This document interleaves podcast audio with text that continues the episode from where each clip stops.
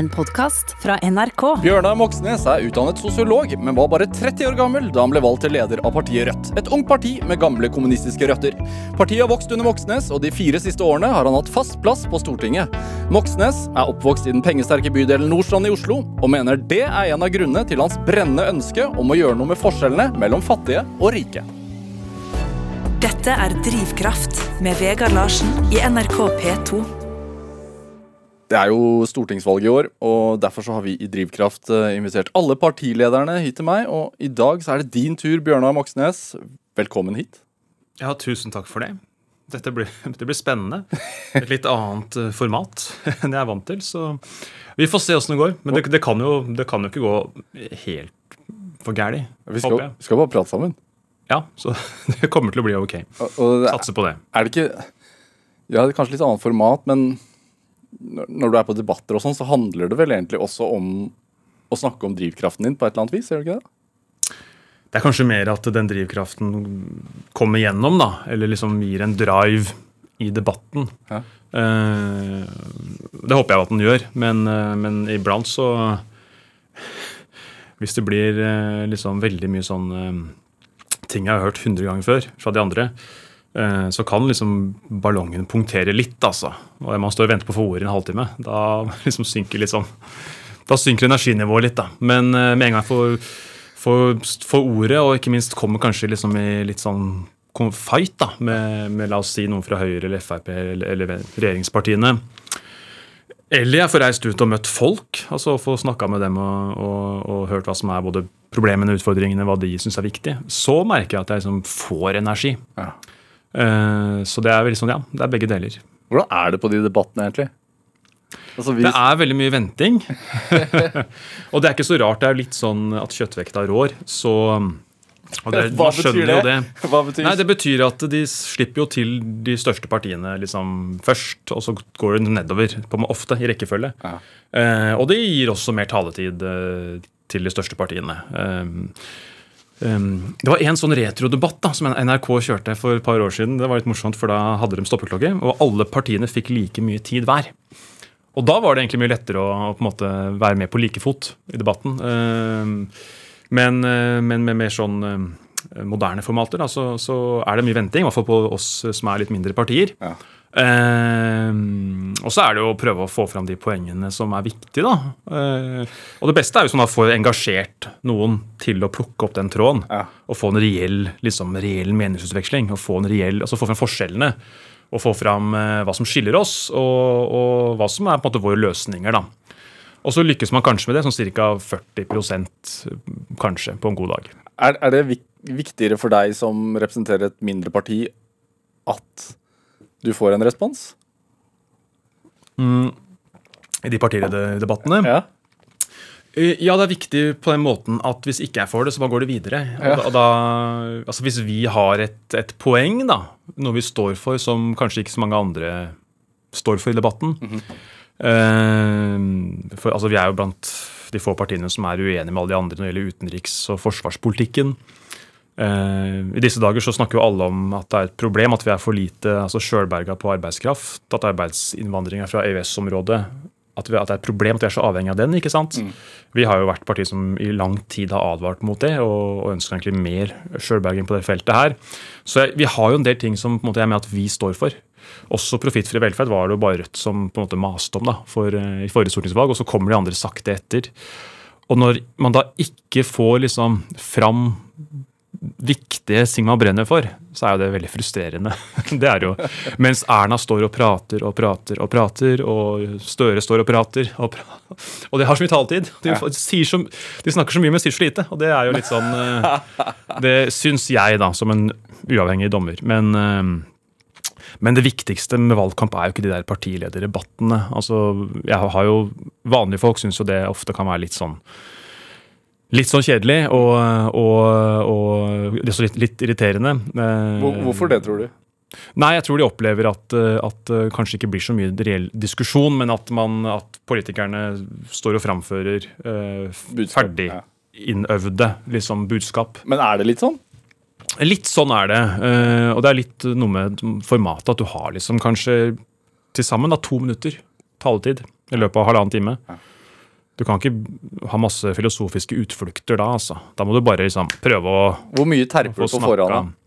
Nei, Det varierer litt. ass. Det, som, det, det, er, det er ikke en spesielt god idé for min del i hvert fall, å stå og øve inn sånn ferdige liksom, ting jeg skal si. Hvorfor ikke? Har du prøvd det? Nei, jeg er ikke så god skuespiller. Altså, sånn, eh, det å på en måte ha et manus, eh, replikker, og så framføre dem på en scene, det er det andre som kanskje er flinkere på. Men, men det viktige som vi jobber med, da, Ja. Er jo når vi får utdelt temaer. Det bestemmes jo av liksom, statskringkastingen eller av TV 2. Eh, Så er det å tenke ordentlig liksom, okay, hva er det, hva, hvis vi får tema Norge ut av koronakrisa, liksom, ja, hva er viktig for oss? Hva er det vi har lyst til å si? Hva, hva, hva er Rødts løsninger? Det er liksom punkt én. Og så er punkt to hva kommer de andre til å ta opp? Hva kommer liksom Erna Solberg til å si? Hva kommer Støre til å liksom svare på det? Og hvilken rolle kan vi spille i den debatten? Så dere øver på det? Altså da, Du har rådgivere, og så, Ja, ja, så tenker- kommer du med et argument, og så Ja, snakker- kaster de et argument tilbake. Og så. Vi snakker oss gjennom det. Litt for å kunne på en måte ta en rolle i debatten og, og komme inn med det som er våre viktige poenger. Men det som egentlig var poenget mitt, var at de debattene er ikke det viktigste i valgkampen. Det er jo møtene med vanlige folk. Det er bedriftsbesøk. Det er å like mye få ting inn som bare å få ting ut. Og så er det veldig fine at eh, når det er valgkamp, så er jo mm, folk veldig engasjerte og vil jo vite hva partiene har av løsninger. De vil jo ha svar.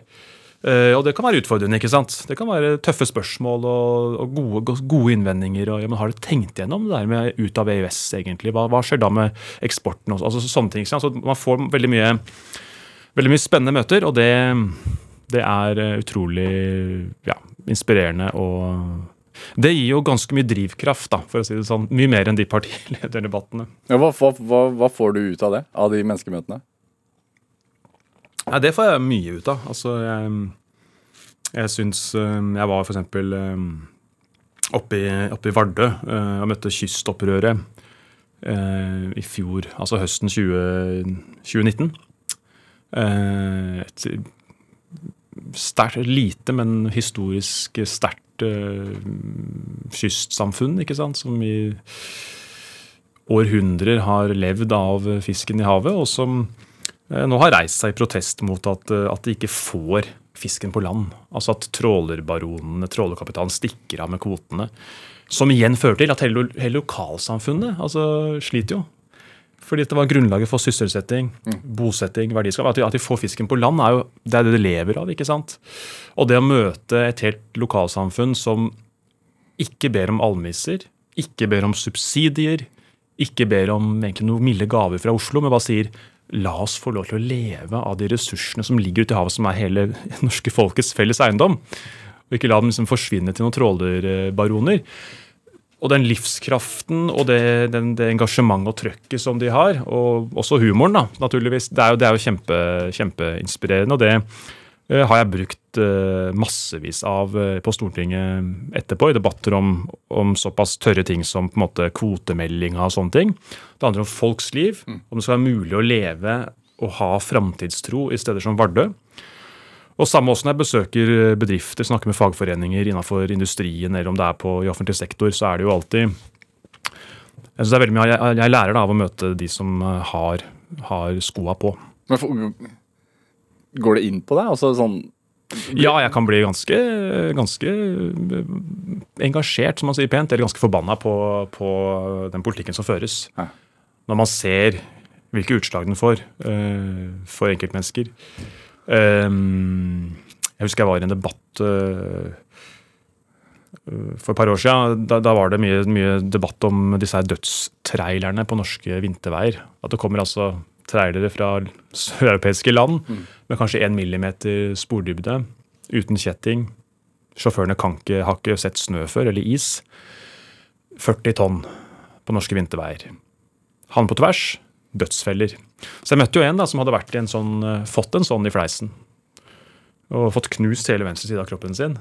Men fått bygd den opp igjen. da. Så han, eh, han fungerer, men er nok, er nok også litt ufør, da, men han har overlevd i hvert fall. Og da havna jeg i debatt om det med daværende samferdselsminister Jon Georg Dale. Og da merker jeg at, eh, at de fortellingene og hvordan det har Den her frie flyten, da, som også Frp er for, fra EU og EØS, at det går foran menneskeliv, ikke sant.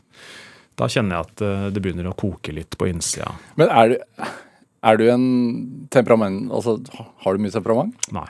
jeg har ikke det. Er du, Altså, er du fordi det frem... Det, un, altså det, er, det, er, kanskje- en feil, feilaktig oppfatning, men det fremstår som om du har temperament.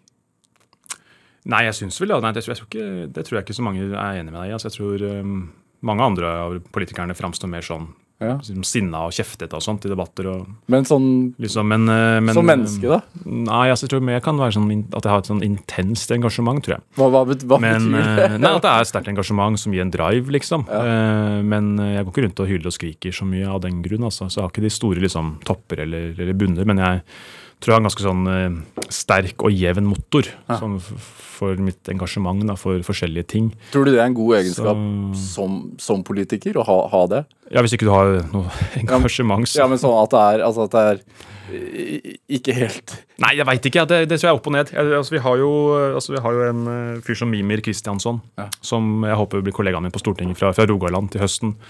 Eh, som er mye mer eh, hva skal man si, ekspressiv, da. Eh, og går på trynet og, og reiser, opp, reiser opp igjen og, og eh, ja, byr på seg selv, for å si det sånn. Eh, og det er jo også noe som folk setter stor pris på. At de har folkevalgte som som også kan, kan gjøre feil, ikke sant. Men, og jeg er også feil, men, men som partileder, så i et parti med 10 000 medlemmer, eh, alle er, mange er veldig sterke individualister, selvsagt, i et parti som er så, liksom, liksom veldig, veldig sånn kollektivistisk og alt det der, det er bare tull. Altså, ingen er så sta og så uh, lite autoritetstro, og det er jo en bra ting, som eh, medlemmene våre. Så det er jo Hvordan Det er er, det, mye- hvordan er det å lede det? Nei, det er jo, det, det, jeg tror det er lurt at du har et, en ledelse med folk som har litt sinnsro og litt sånn is i magen, Ja. og liksom prøv, prøver. Etter beste evne. Etter fattig evne. Vi er jo ikke eksperter, men prøver etter beste evne og på en måte håndtere det på en, på en rolig måte. Fordi eh, det tar jo fyr, selvsagt mellom folk. Eh, Det kan bli, kan bli bråk og kjefting og, og, og liksom mye engasjement og sånne ting.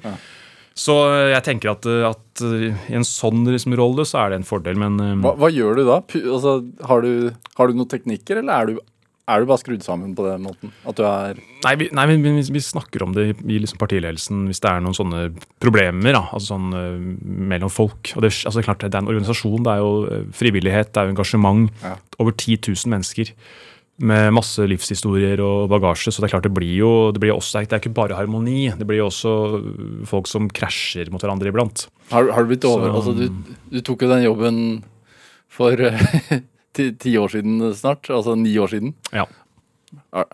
Visste du hva du gikk til? uh, nei, ikke helt, altså. Det gjorde ikke det. Uh, Hvordan da?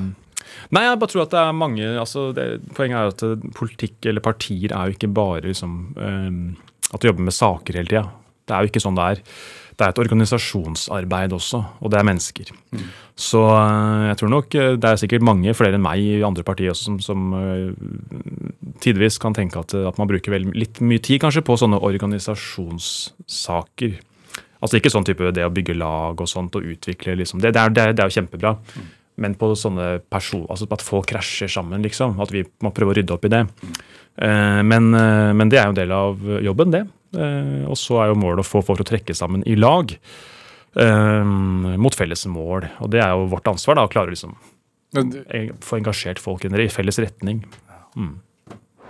Dette er Drivkraft med Vegard Larsen i NRK P2. Og i dag er lederen av Rødt, Bjørnar Moxnes, her hos meg i Drivkraft på NRK P2.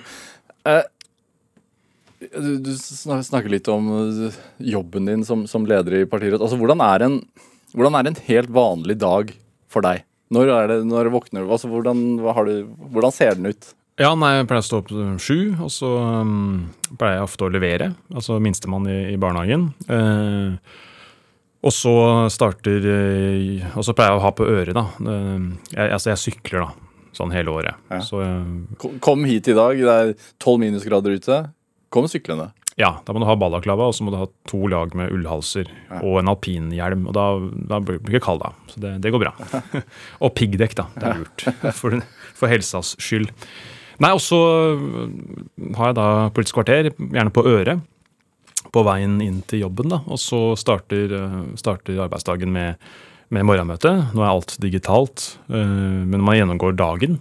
Altså alt som skal skje av, av møter og ting som skal gjøres. Og også gjennomgår liksom pressenyhetsbildet, som man kaller det. Litt sånn rart ord, men jeg tror alle partier gjør det hver, hver morgen. Hva, har liksom, hva, hva er på dagsordenen i dag? Har du da, Er det en rådgiver som kommer inn til deg og du gjør det sammen med, eller digitalt? Ja, da har vi altså du kan si stortingssekretariatet, da, Ja, den staben. er. Eh, Vi er vel sju-åtte stykker Ja. på Stortinget. Du har en egen pressesekretær da, som har gjennomgått Brukt, brukt morgenen sin da, på å gjennomgå alle, alle nyhetskanaler og aviser og lager en, ha en oversikt. og Så går vi gjennom den og så diskuterer vi. Ok, I dag så er det en stor sak, eh, og nå er vi jo midt i håndtering av koronaen. ikke sant? Nå har, nå har spørsmålet om, om eh, vaksiner eh, blitt viktig politisk. AstraZeneca, som skal gi oss 1 million doser, gir oss 72 000 eller noe sånt nå. Dette er en sak som viser, vil vi si, ikke sant? problemet med å overlate livsviktige eh, produkter i hendene på multinasjonale selskaper som, som kun tenker på, tenker på inntjeninga si framfor eh, det som er befolkningas behov. Hva om vi da bruker den saken her for å prøve å skrive noe eller mene noe eller, eller komme på med, med politikk som viser hva, hva vi ønsker, for å gi mer trygghet da, for vaksineproduksjon og også for rettferdig distribusjon, for f.eks. Eller det kan være en sak om, eh, som jeg snakka om i stad. Altså, nå, nå er det mange saker fra Nord-Norge som handler om eh, at ikke det fins en eneste nordmann som kan kjøre en trøkk. Og så påstår da eierne så de må hente rumenere for å sløye en fisk. Eh, I landet Norge så fins det ingen som kan sløye en fisk lenger eller kjøre en trøkk. Ok, er, er det sånn? Kan vi kanskje mene noe om det? Kan vi få sagt noe om sammenhenger her? Nemlig at eh, Tror du det er sånn? Jeg tror ikke det. er- Det, det fins folk som har som kan ta trøkkførerbevis også, og, og det å sløye en fisk jeg tror også vi kan lære opp folk til å gjøre. Men klart, vi, vi snakker om det. altså, dette her, er- For oss er det viktig at vi, vi mener at eh, det er et problem. da, At lønnsnivået i en del bransjer, altså fiskeriindustrien, bygg og anlegg, eh, de som vasker bilene våre, bilpleie, har blitt dumpa ned for å, å tilpasse egentlig østeuropeisk da, kostnadsnivå og, og, og boutgifter. Og derfor tar ikke nordmenn den jobben. ikke sant? Og da er jo jobben vår å snakke om at vi ønsker både å heve altså lønna i de yrkene her, styrke fagorganiseringa og gjøre det mulig for, eh, for bedriftene å ansette da folk som, har, som bor i Norge, har norske lønns- og kostnadsutgifter, og, og ha dem istedenfor å ha underbetalt østeuropeisk arbeidskraft. Sånn holder vi på. Og nå så er du også på jobb, merker jeg. Ja, men det er sånn vi, er sånn vi gjør da på Samara-møtene og snakker om det. Og finner liksom måter å, å Få igjennom det politiske budskapet. ja, Ja. ja. Og så er, det, er egentlig å gjennomføre det resten av dagen med møter og snakke med journalister eventuelt. Og også in, sånn, mer sånn interne møter, da. Men sånn som i dag, da, så skulle du hit til meg i Drivkraft. Som jo er et eh, slags portrettprogram som handler om deg og din drivkraft. Hadde du en samtale med dine rådgivere på forhånd sånn Ja, du skal dit og prate om deg, men det er viktig at du får frem det og det, Bjørnar. Nei, altså det har jeg ikke hatt tid til. Vi har hatt så mye annet å styre med, Ja. så det får bare stå sin prøve. Men er det Altså, har du noen sånne Har du morgenrutiner? Altså, Våkner du, sjekker du mobilen? Er det er, Altså, ja. Har, um, altså, jeg får jo ehm, Du får jo en, får en sånn eh, mail Altså, jeg får jo den her nyhetsbildet, da. ja. Det får jeg jo ofte inn. Fra pressesekretæren. Ja. Så det, det sjekker jeg jo. Og så pleier jeg å jo, så pleier jeg å lese eh, Klassekampen, altså på mobil, da, på morgenen. Og sjekker NRK, eh, typisk, og, og VG, og kanskje Aftenposten på nett, da. Eh, så det er nok morgenrutine, ja. Det er nok det. Er det, det hvor, altså, hvor viktig er det med sånn symbolpolitikk? Altså det at du sykler Det er, det er, du, er jo for å holde deg sunn og frisk, antar jeg. Eh, Det er veldig lett å komme frem, men er det er det også fordi at uh, deg i en stor, uh, sort bil hadde sett rart ut? Altså, det, må du tenke på sånne ting som leder av Rødt? Nei, Det med syklinga har ingenting med det å gjøre, i hvert fall. Det er bare at det, er, eh, at det, er, eh, det går raskere enn noe annet. Ja. Eh, og så er det jo at, eh, at jeg holder meg liksom litt i form Ja. med, med å sykle. og Du får liksom trim, til og fra jobben. Det bestemmer jo sjøl hvor mye liksom, effekt du, batteri du vil bruke. Også, jo, men det var bare ett eksempel. Men altså, sånn, Ja, Må, du, det, ting man må må, du ta liksom ekstra hensyn til din rolle eh, i forhold til valg du, valg du jeg, har, gjør? jeg føler ikke at det, at det legger så mye bånd, nei. Nei. Men eh, jeg har ikke så veldig sånn mange ekstravagante eh, vaner, da. Som jeg trenger å liksom skjule, eller, eller på en måte begrense meg på. Jeg er ikke liksom på Maemo eh, en gang i måneden og Nei. sånne ting. Men, kunne du vært det? Ja, jeg har lyst til å gjøre det en gang. Det koster jo skjorta, men, Ja. eh, men eh, ja, gjerne det. Det er jo, det er utrolig fint å kunne dra på en restaurant med liksom Norges beste mat. Ja. Uh, men uh, jeg opplever vel egentlig at uh, etter hvert, da Jeg har vært med noen år og blitt litt mer kjent også blant folk da, og for folk, at det de bryr seg om, er, er, først og fremst er jo hva du står for og hva du gjør med det. Eh, og, det er, og det er det som er det viktigste, tenker jeg. da.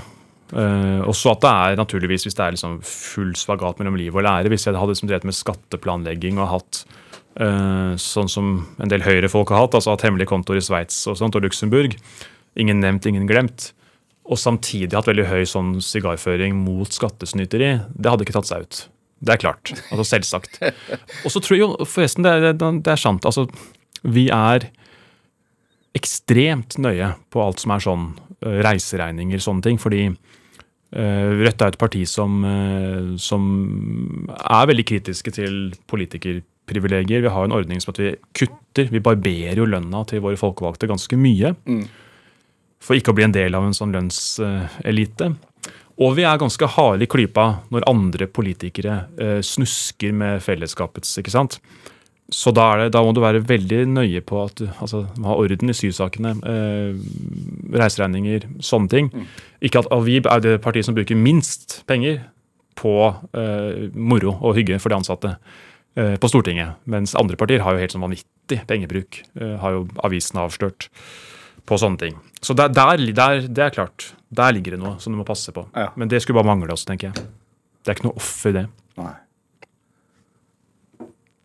Jeg har jo Jeg tenker sånn eh, Jeg har jobba litt, ikke, ikke mye, men litt innenfor eldreomsorgen. Men jeg har jo mange i familien min og, og andre som jo, jobber i kommune. Og eh, ofte har jo julegaven eh, fra arbeidsgiver for dem det har vært at det står 'God jul'. Hilsen ja, Erling La var det jo før, da. Oslo kommune. Hilsen Fabian Stang. Hilsen Raymond Johansen. På lønnsslippen. Det er liksom julegaven, da. Så eh, jeg tenker at eh, man må liksom huske litt på hvordan de fleste vanlige folk har det. Hva de får. Eh, det var jo en sak nå fra et sykehus hvor de som har stått på hele koronaen ett år, sykepleierne fikk Hva var det for noe? Det var ment som en hyggelig gest, men det var veldig smått. Og det bare viste hvor smalhans det er i en del yrker. Mens andre bransjer, ikke sant Altså de, Akkurat nå er det litt sånn sm- smalhans overalt, men i andre bransjer så er det jo altså helt vanvittig pengebruk. Penga renner over, altså. Og det er ikke de, de mest samfunnskritiske funksjonene vi snakker om her. Tvert imot. Men ja, når du snakker om det med, med altså Nå nevner du eldreomsorg, men altså sånn eh, helseomsorg og, og, og folk som, som, som trenger litt ekstra, kanskje. Altså, moren din har vært vesentlig i ditt valg, eh, altså at du har valgt en politisk retning. Ja, jeg tror det. Ja. Uh, ja. Altså begge to, egentlig. Både moren og faren min. Men, uh, men erfaringene med, med, altså med, med en del sånn sykdom i nær familie, Ja. det Altså, det, du, må, du må jo ikke bli liksom sosialist av det, men uh, du kan helt fint. Men hvorfor har det påvirket deg, tror du? Eh, nei, det har uh, Det blir liksom litt personlig. Altså um, fort. Uh, alt som handler om, om uføre. Den nedrakkinga som ganske mange partier har drevet med av, av uføre, den mistenkeliggjøringa oppå morgenen og sånt, som kommer fra alt fra Arbeiderpartiet til Frp, det blir litt fort personlig. Eh, og også når eh, andre partier eh, snakker om liksom nedlatende om alt daukjøtt i offentlig sektor. Du må lære av privat sektor og effektiviteten og alt det der. Typisk sånn Frp-Høyre-prat. Kanskje tenker de på at det er mye sånn direktører og ledere og sånt som vi godt kunne skåret vekk. Det er jeg helt enig i. Ikke minst i helseforetakene, som de har innført. Men de som betaler prisen, er jo aldri toppfolka. Heller ikke det offentlige. Så de nedskjæringene betyr i praksis, da, for å skjære til beinet, at de som jobber på gulvet, må løpe fortere, få færre kollegaer, mer oppgaver, bli mer utslitt, nedslitt, og etter hvert også, dessverre, uføre pga. politiske vedtak og pga. at man har strupa bevilgningene over tid. Det er en sammenheng. Det er en sammenheng mellom det de på Stortinget gjør, som er godt betalt, privilegerte, ganske behagelige arbeidsvilkår, og det som skjer ute på sykehjemmene, ute på sykehusene, ute på, i, i omsorgen, eh, hvor noen betaler prisen for det. Og det gjør det med helsa si. Eh, og det syns jeg er ganske engasjerende, som man sier pent. Altså det blir, blir. Dette er Drivkraft med Vegard Larsen i NRK P2. Og i dag er leder for Rødt, Bjørnar Moxnes, her hos meg i Drivkraft eh, på NRK P2. Eh, du, det har blitt en del skriverier om det at du er vokst opp på Nordstrand i Oslo. For de som ikke er kjent i Oslo, hva slags sted er Nordstrand? Omtalt som østkantens vestkant. Altså Det ligger, ligger sørøst, men eh, er jo sånn økonomisk så bor det jo mange flere der som har god råd, enn en f.eks. på Søndre Nordstrand, altså Holmlia Hauketo. Eller det som ligger nord for oss, altså gamlebyen, eh, østkanten. Så det er et område. Eh, geografisk liksom øst, men økonomisk er det mange som har masse penger. God utsikt over fjorden, har mange Ja, det, har, ja, det, det også. Eneboliger, ja. ja. hager. Og så er det jo sånn at naturligvis, det er ikke bare rikinger der. Det er veldig mange som er sånn Mannen er rørlegger, kona er sykepleier. Ja. Typisk sånn. Selvsagt masse vanlige folk, men også en del som er, har så mye penger at uh, man vil ikke tro det. Hvordan var det hos deg?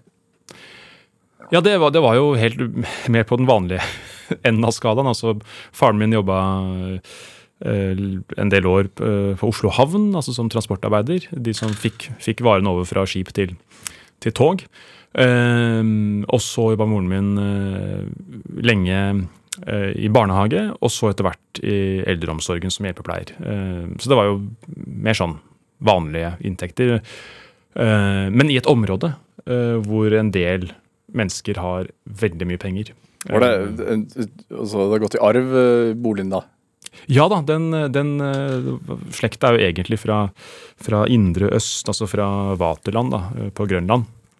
Og var, var solgte hestekjøtt og pølser. Hvem gjorde det? Det var på, på farsslekta. Så sto de fra 1850. Og ut på 1950-tallet, altså over 100 år, sto de på, i basarene på Youngstorget. Og de basarene ble egentlig lagd med tanke på å selge kjøtt. Det er en sånn kjøreteknikk. ikke sant? Altså, ja. Så de sto der på, i basarene på Youngstorget, hvor i dag ligger politikerne, faktisk. Den puben. ja. Ja, og solgte kjøtt og pølser i 100 år på Youngstorget. Slaktere, eh, eller bare ja, slaktere, ja, ja, ja, hele pakka. Fra liksom hest til så Moxnes-slekt, altså på ja, fars side, er slakterslekt? Ja, slakterslekt. Ja. Eh, og så uh, mista de butikken under krigen. En litt sånn stripete slektning tok over og solgte til, til tyskerne. Etter krigen tok den, den tilbake da, fra han. Eh, og da var det også en, en tid hvor, hvor, bøndene la om fra hest til traktor. og så var folk veldig sultne på kjøtt etter fem år. Mm. Uten kjøtt, så å si. Så da fikk de veldig mye hest inn, kan du si, og veldig mye kjøtt ut. Og da fikk de tjent opp nok penger til å kjøpe seg inn eh, kjøpe seg inn i en del av en villa på landet, som det den gang var. Det var utafor Oslo. Så da, da, begynte de å da etter hvert kjøpe seg inn og ta over mer og mer av det som er det huset jeg bor i i dag. Ja. Så klatret på rangstigen, da? Definitivt. Ja. Det var et stort sprang fra nedpå Grønland på den tida. I dag også er det jo mye fattigdom i indre øst. Og til å komme seg ut på landet til Nordstrand. Eh, til en svær villa som han etter hvert kjøpte seg opp i. Men er du da vokst opp med besteforeldre i samme Med farmor. Ja. Farmora mi og, grandonkelen min, da. De bodde der. Hvordan var det? Vokse, vokse opp så tett på familien. Farmor var ikke så veldig glad i barn. Nei, hvordan, hvordan, hvordan merket du det? Jeg hang opp lapp på døra at hun ikke ønska besøk alltid. Så det var jo Folk er forskjellige. Så, Hvor mange er det, hvor mange er du, har du, hvor mange søsken har du? eh, Vi er to. Ja. Ja. Søstera mi, Ja. eh, Kaja, som er tre år eldre. Og dere fikk ikke komme hit Vi fikk komme opp, men, men vi, når, når du har sett den lappen mange nok ganger, så tenker du ja ja, det er kanskje ikke så veldig mye vits å, å banke på. Men, eh, mens, mens derimot mormoren min, da, som bodde ute i Sandvika, hun var jo en helt annen. Hun var jo veldig glad i barnebarna og, og veldig barnekjær. da. Men folk er jo litt forskjellige, så sånn er det. Det som var gøy, var at farmor hun, hun var jo hun var jo tross alt vokst opp og hadde mye av tida si nede på Grønland. Men hun ble også nordstrandsfrue, så hun var sånn hun skulle være fin. Prøvde hun på. Det, det, det skinte nok alltid litt igjennom at hun ikke liksom helt uh, var født og oppvokst der oppe. da. Nei, hvordan da? Så nei, at, nei, du hørte det jo. Måten de snakka på, humoren og de var jo liksom, eh, Det er sånn som skyldes i Rudolf Nilsen, ikke sant? Altså det, det livet som var, den kulturen, da. Som også Einar Gerhardsen og, og Werner Gerhardsen vokste opp med liksom i Indre Øst. Det var det de var vokst opp med. Eh, diktet nummer 13 eh, viser mye av det, av det folkelivet, da, eh, på godt og vondt, som var der nede. Og det var det de vokste opp i og, og levde med og kom fra. Og det satt jo alltid i ryggmargen, selvsagt. Hva er det Hva er liksom dine første barndomsminner? Nei, det Det er vanskelig å si ass, på stående fot, men, eh, men eh, jeg tror ferieminner sitter veldig i. Ja. Eh, At vi var på, på tur til Danmark, campingferie. At jeg klappa noen tamme rådyr på like ved en sånn veldig fin camping i, i Danmark. At jeg fikk sånn is som var på en måte to ispinner sammen. Det var dobbelt is, da, kan du si. Det var to igjen på en sånn ferie. Eh, og at vi reiste også til og med ganske, altså at vi besøkte venner av, av moren og faren min i Sveits og i Nederland. Vi kjørte langt, da. Ja, vi kjørte til Alpene. Ja. Ja, ja. Og, og min første sydentur kjørte vi til Syden. Som, som var hvor? Det var liksom franske, Franske Rivieraen. Ja. Så da kjørte vi dit. Uh, I, i en uh, karavell som pappa hadde bygd om til eh, en slags form for bobil. Så da sov jeg på tvers i forsetene med en sånn kasse i midten ikke sant, med madrass på, og så sov søstera mi i baksetene, og så sov moren og faren min uh, i liksom bagasjedelen. da. Så kom vi oss til Syden. Høres idyllisk ut, var det det? Ja, det var veldig koselig. Ja. Og eh, campingplasser var jo eh, veldig, veldig gøy, for det, jo- det er jo masse barn. Du får jo venner med en gang, og, og eh, ja. Det er mye liv og røre og, og veldig, veldig fint. Eh, og så husker jeg jo at det alltid var fint vær, men jeg, jeg, jeg tror ikke at det stemmer. Det er Et unntak. Det var når vi var på sykkelferie når jeg var litt eldre, altså på barneskolen. Da tror jeg alltid det blåste motvind. Altså Vi sykla i Danmark, så det er ikke noen bakker. Men hvis du har motvind, så er det som å, det som å sykle opp Kongsveien hele tida. Så det Men hva, hva var dere opptatt av hjemme hos dere, da? Hva snakket dere om rundt middagsbordet, eller hadde dere felles middager? Var det, eller, Ja, eller jobbet moren og faren din sånn at de Nei, jeg tror vi hadde Jeg tror jeg hadde mye fellesmiddager. Det tror jeg vi hadde, altså. Så Nei, det, det var sikkert litt forskjellig. Jeg har så dårlig hukommelse på en del sånne ting, men eh, Men eh, jeg har alltid vært veldig sånn, tror jeg, eh, nysgjerrig, eller sånn kanskje masete, masete er kanskje riktigere å si. Hvordan da? Hvorfor er det sånn? Hva er det? Altså bedt om forklaringer på alt mulig rart. Sikkert mast litt høl i huet på moren og faren min, tenker jeg. Og bedt om forklaringer på alt mulig rart. Hva trodde de at du kom til å bli, da? Nei, det veit jeg ikke. Det veit jeg ikke. Eh, jeg hadde, hadde Jeg tenkte, hadde en idé en stund om jeg skulle studere økonomi, og at det var viktig å bli samfunnsøkonom eller noe sånt. Eh, jeg hadde ikke noe tanke om at jeg skulle liksom bli politiker. Det hadde jeg ikke. Og jeg var jo egentlig jeg var ikke noe politisk engasjert heller før egentlig på videregående. Eh, Sånn organisert, da. Jeg vil gjerne høre om den oppvåkningen, men, men først skal vi spille litt musikk, Moxnes. Ja. Du har med eh, Bruce Springsteen-låt. Eh, hvorfor det? Nei, det er jo det er ikke så veldig Jeg er jo fan, da. Jeg har jo, eh, har Han er, han er også en politisk engasjert artist. Ja, han er jo det. Eh, og jeg har jo alltid vært veldig glad i USA, og i det USA som eh, Springsteen på en måte representerer. da. Og synger om. eh, og den låta her handler jo om det. Eh, og det er jo sånn historisk, så det var jo til USA da, at eh, liksom pionerene dro fra arbeiderbevegelsen for å lære om hvordan man skulle få organisert arbeidsfolk og skape et bedre samfunn. De dro til USA. Det vet jo kanskje liksom ukjent for en del på norsk venstreside i dag. De har liksom vokst opp med å hate USA, men, men USA er jo veldig mye forskjellig. Også det som Springsteen da står for. Det er et USA du er glad i, er det ikke det? Ja. I come from down in the valley where mister when you're young they bring you up to do like your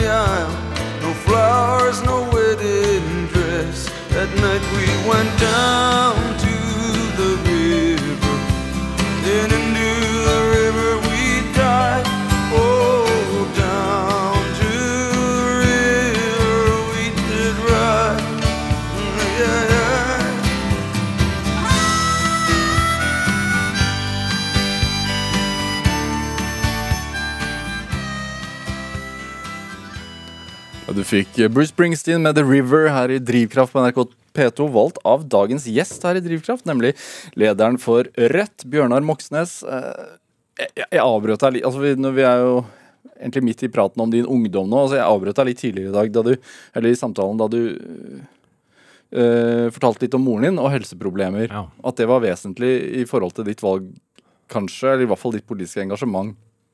Kanskje. Hvordan, altså øh,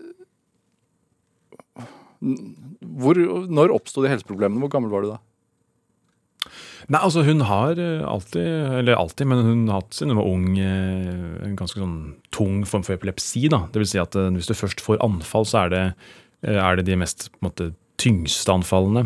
Dette vet jo, altså De som hører på som har, har det selv eller har slektninger, vet jo at det er, at det er ille.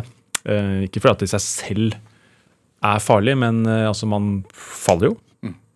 Man kan slå, slå seg veldig, altså man kan skade seg alvorlig. og og man kan, man, kan bli, man kan også faktisk i verste fall liksom bli kvært hvis man ikke man blir lagt i stabilt sideleie og, og sånt. Og man trenger også få medisin for å stanse anfallet, altså få en sprøyte.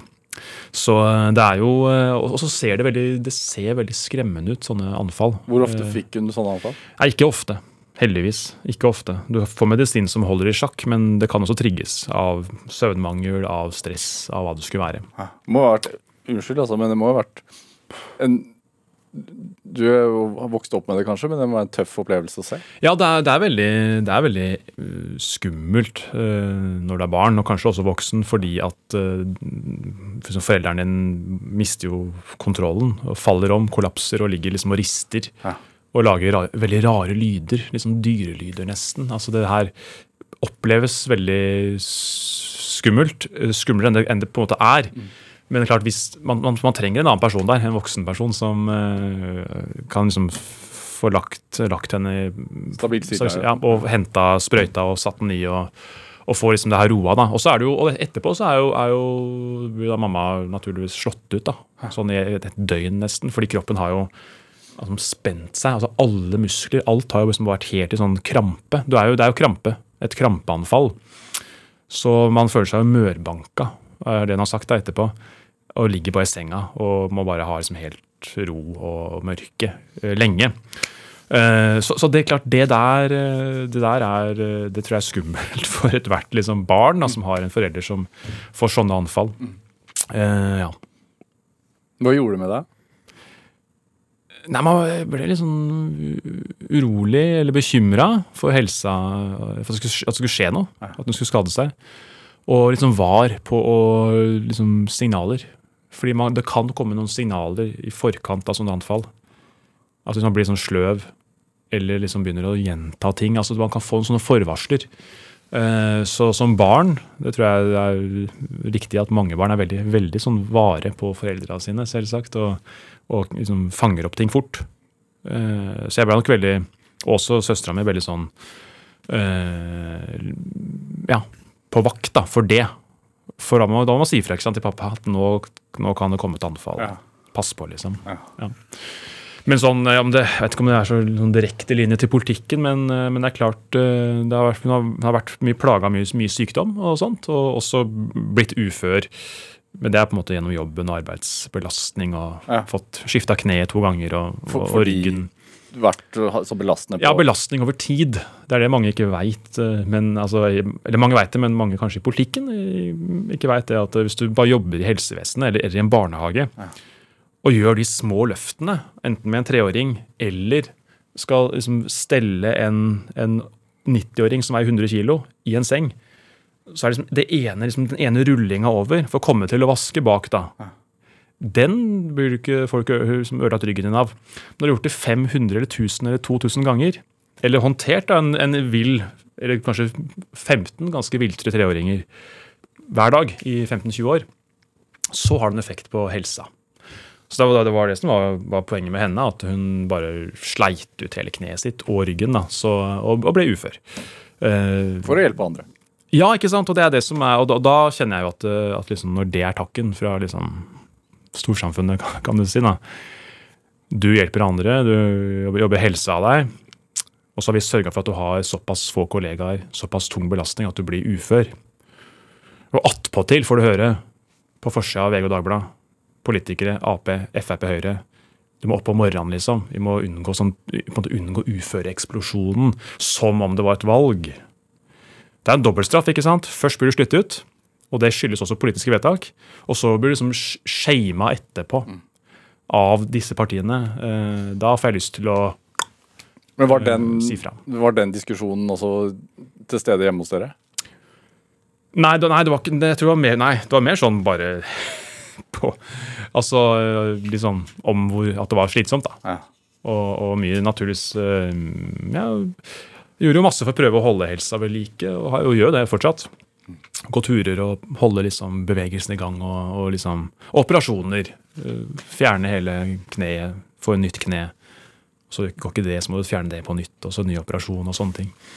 Um, Dere har vekket noe i deg i forhold til ja, i forhold til de som, eh, de som holder denne velferdsstaten oppe. Liksom.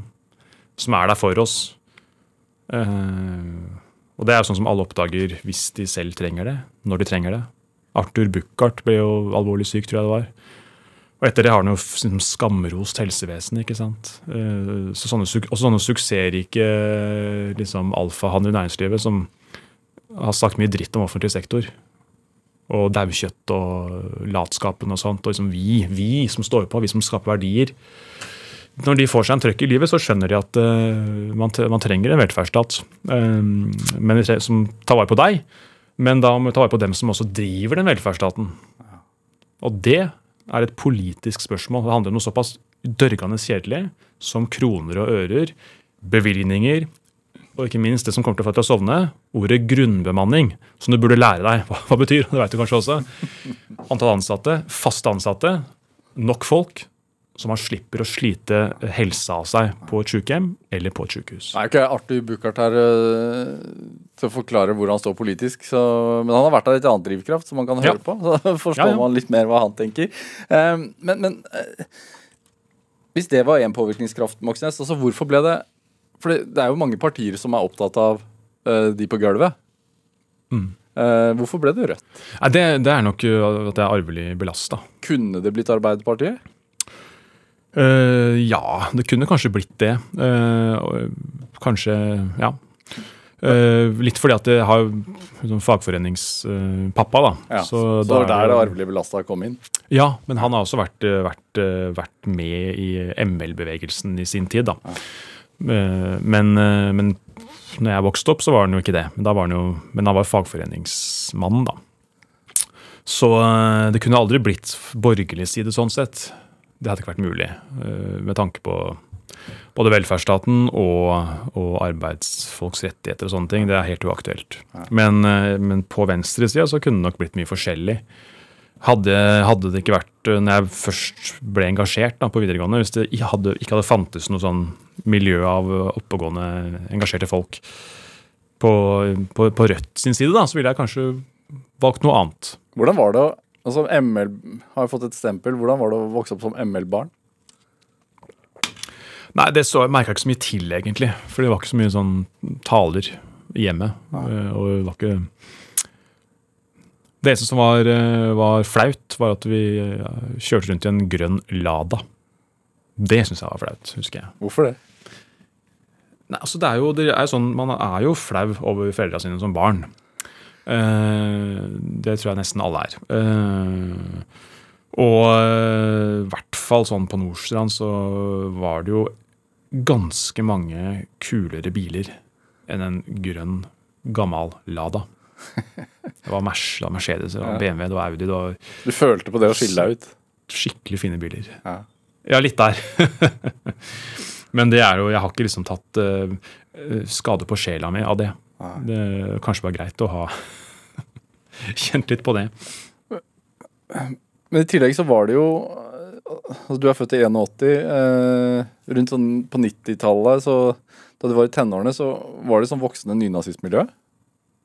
Ja, det var veldig det var, det, Ja, det var stort, og det var, eh, var ikke bra, for å si det pent. Det, Tror du det har påvirket deg?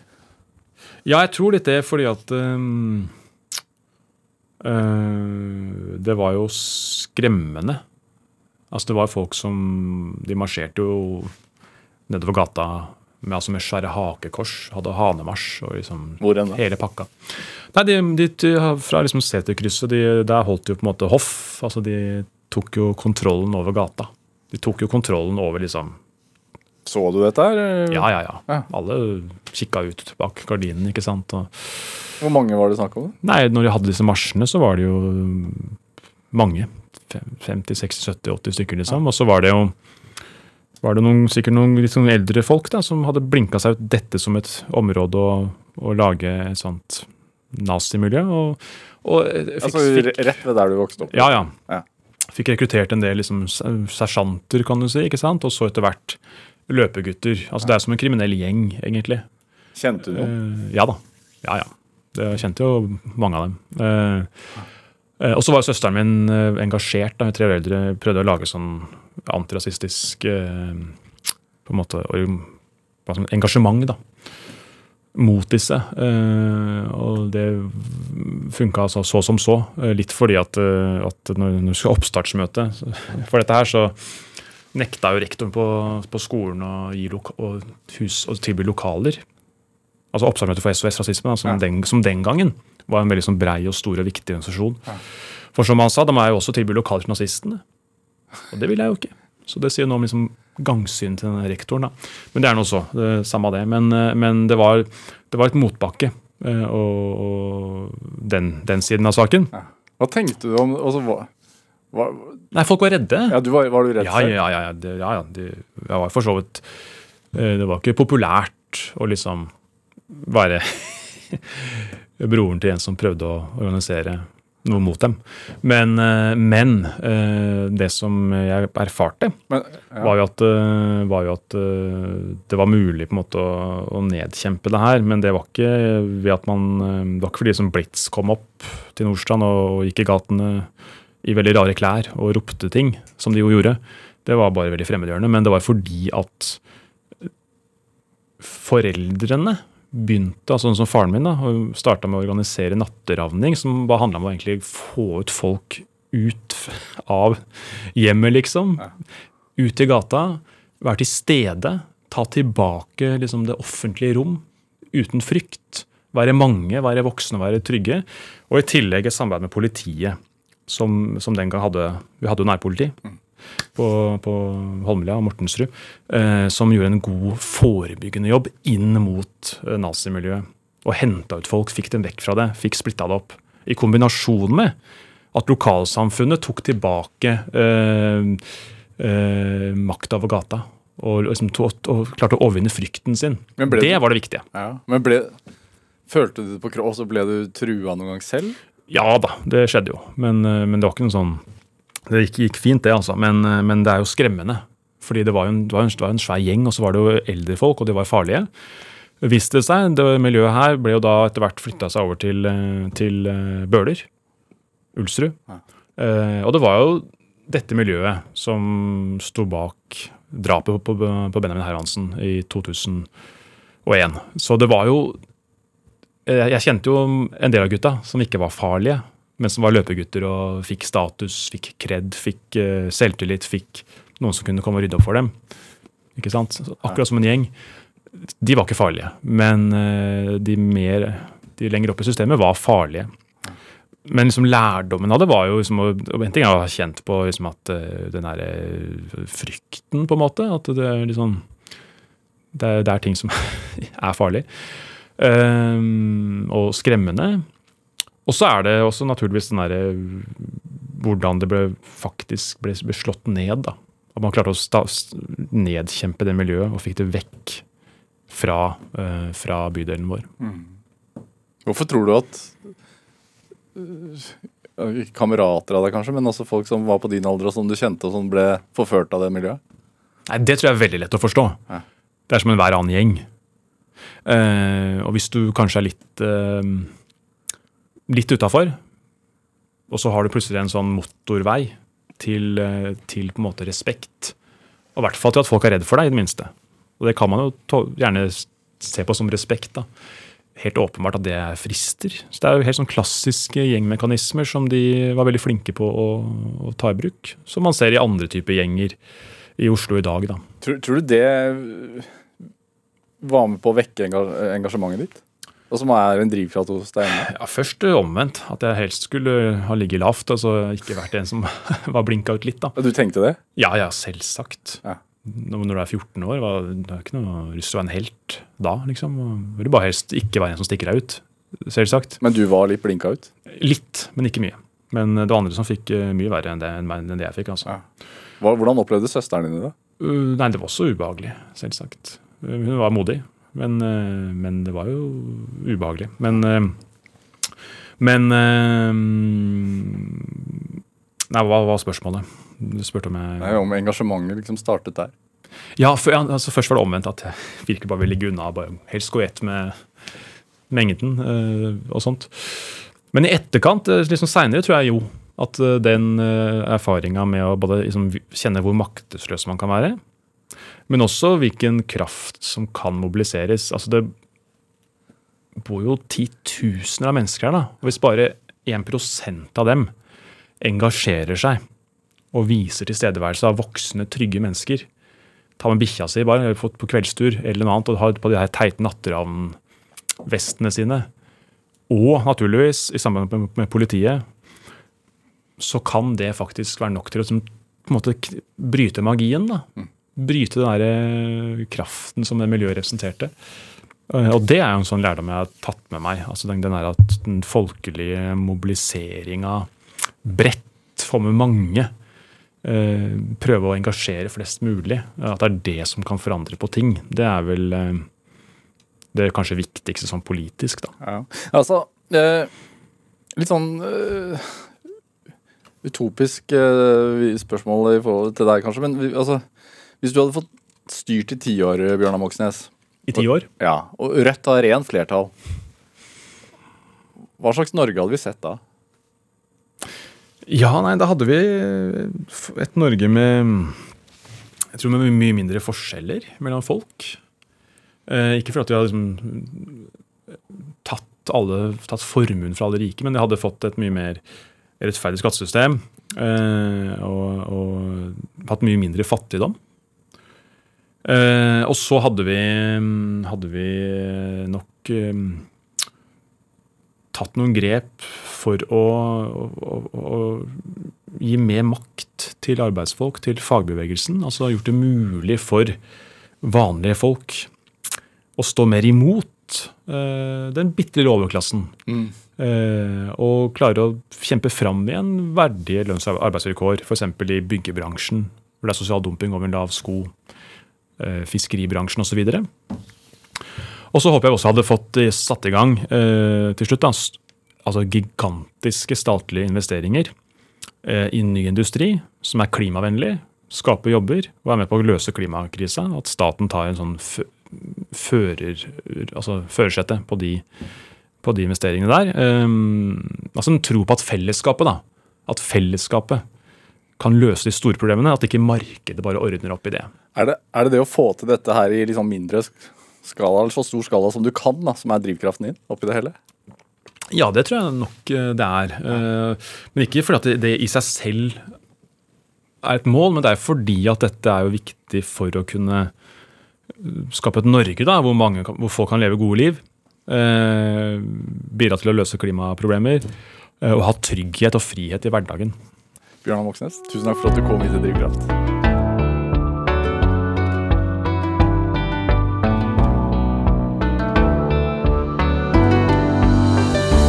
Du har hørt en podkast fra NRK.